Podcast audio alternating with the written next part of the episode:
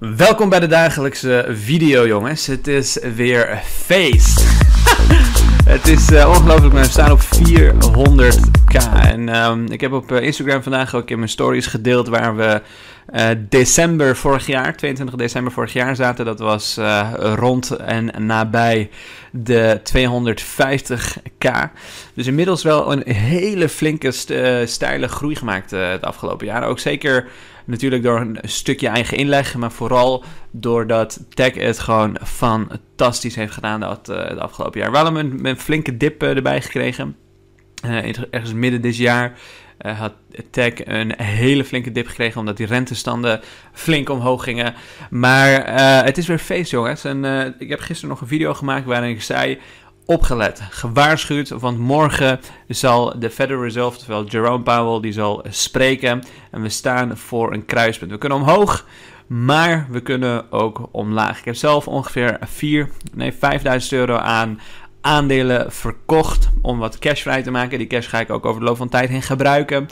Um, en over de loop van tijd heen zal ik ook waarschijnlijk wat meer geld van tafel halen, omdat ik denk dat op korte termijn de beurs hier goed op gaat reageren, maar op de echt lange termijn, en dan heb ik het over de komende zes maanden, misschien wel zeven maanden, acht maanden, uh, zal er wat anders aan de hand zijn. Ik zal je uitleggen tijdens deze video uh, waarom, maar laten we even kijken wat de Fed besloten heeft. De Fed die zou vandaag een beslissing nemen over één, de rentestanden en twee, taperen, oftewel het afbouwen van de noodsteun of, uh, tijdens corona.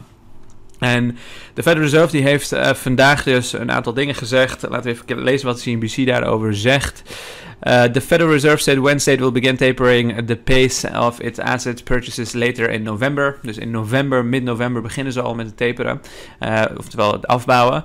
En op maandelijkse basis gaan ze ongeveer 15 miljard in totaal afbouwen. Ongeveer 10 miljard daarvan is in treasuries, oftewel uh, obligaties van de Amerikaanse overheid. En 5 miljard daarvan zijn mortgage-backed securities, oftewel obligatieleningen.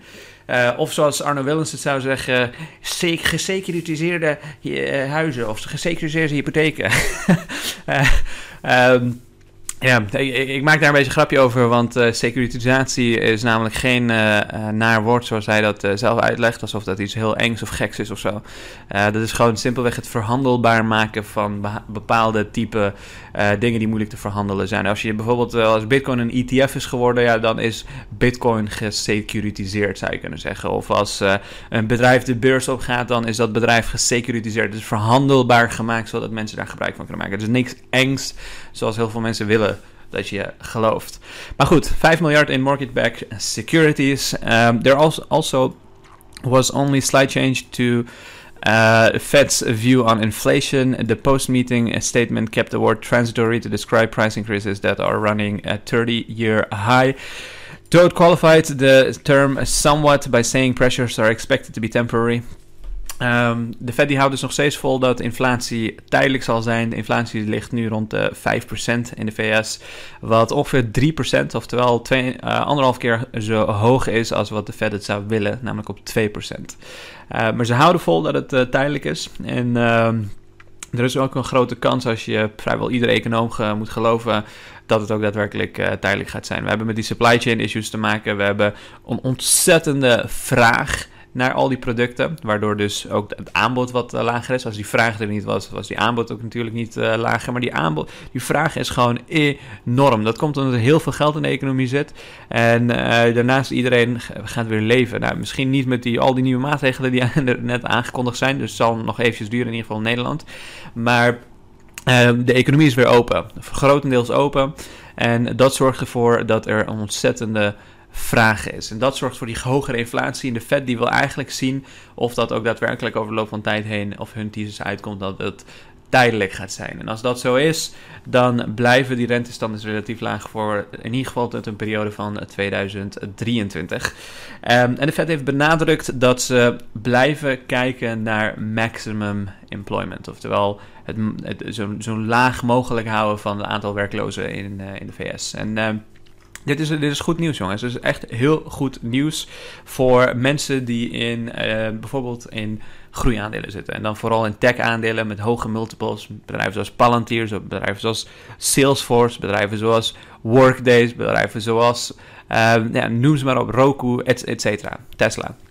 Um, al die bedrijven die profiteren hiervan. Maar wat we niet moeten vergeten is dat uh, wat de Fed dus eigenlijk nu ook zegt, en dit hebben ze niet direct gezegd, maar dit zou je kunnen aannemen. Als we nu beginnen met taperen, uh, oftewel afbouwen van die noodsteun, uh, dan zullen ze waarschijnlijk ergens in juni klaar zijn. Want als ze 15 miljard per maand afbouwen, dan zullen ze ongeveer in juni klaar moeten zijn. Want ze hebben in totaal zo'n 120 miljard die ze moeten gaan afbouwen.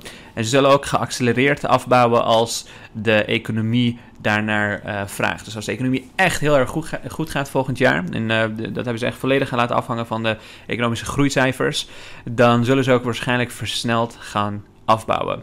Uh, qua rente hebben ze niet echt iets gezegd. Waarschijnlijk zal dat ergens volgend jaar september of iets zijn, net na juni, ongeveer een paar maanden na juni.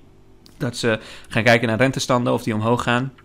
Um, maar als die omhoog gaan, als, ze ook, als ook de markt vindt dat die omhoog moeten gaan, omdat die inflatie bijvoorbeeld niet tijdelijk uh, schijnt te zijn, dan kun je wel een korte termijn dip verwachten voor zeker groei- en tech-aandelen. En dat komt omdat tech en groei gewoon rentegevoelig zijn. Dat heb je ook in het begin van dit jaar gezien, als je, als je al een jaartje meeloopt. Um, als die rentestanden abrupt omhoog gaan, dan kan dat een flinke klap veroorzaken voor heel veel tech- en groeiaandelen. Um, daarnaast hebben veel van die bedrijven ook hun um, uh, kwartaalcijfers. Appian heeft bijvoorbeeld in mijn portefeuille morgen kwartaalcijfers gaan ze presenteren.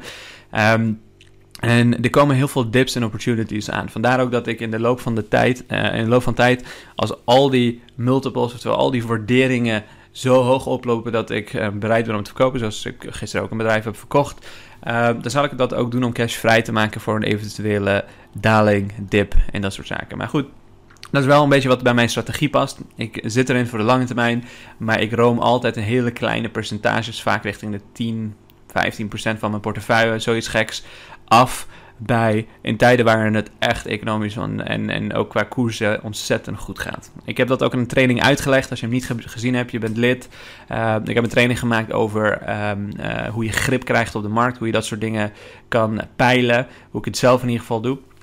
Um, zodat je daar gewoon een helder, helder beeld uh, bij hebt. Um, er is een hele lange video, ongeveer meer dan een uur aan, aan trainingsmateriaal. maar wel heel belangrijk als je hem nog niet, nog niet gezien hebt.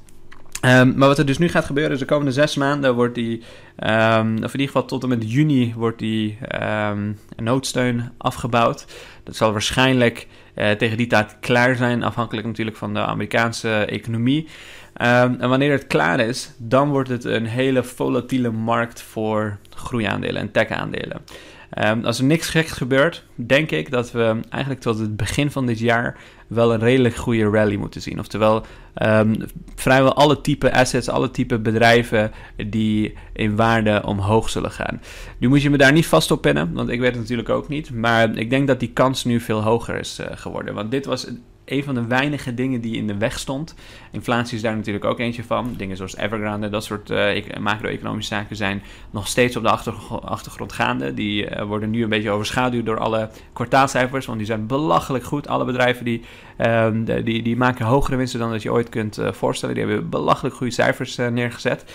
Maar dit was een van de, van de belangrijkste dingen die, um, waar heel veel beleggers op wachten. Dus nu dit ook uit de weg is, uh, zou niet heel gek zijn als we een hele goede rally blijven voortzetten. Misschien wel tot het begin van volgend jaar. En dan zul je waarschijnlijk ook, als je naar het Amerikaanse belastingssysteem kijkt, Um, zul je ook tegen het einde van het jaar vooral verliezers, bedrijven die heel erg in de, in, in de min staan, um, die zullen waarschijnlijk nog verder zakken. Dat zie ik persoonlijk dan ook als goede uh, koop-opportunities.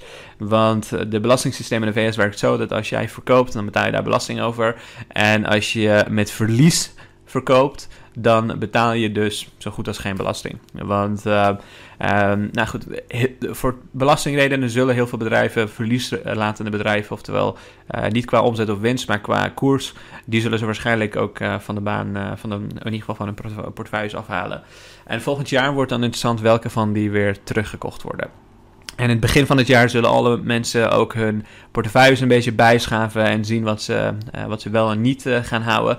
Dus het wordt uh, nog een interessante paar, paar maanden, jongens. Ik hou jullie in ieder geval elke dag hier up-to-date.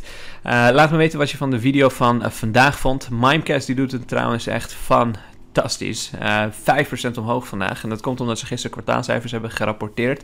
Dat heb ik ook in de video van gisteren behandeld, mocht je hem niet gezien hebben. Uh, dank voor het kijken, jongens. En nog een hele fijne dag.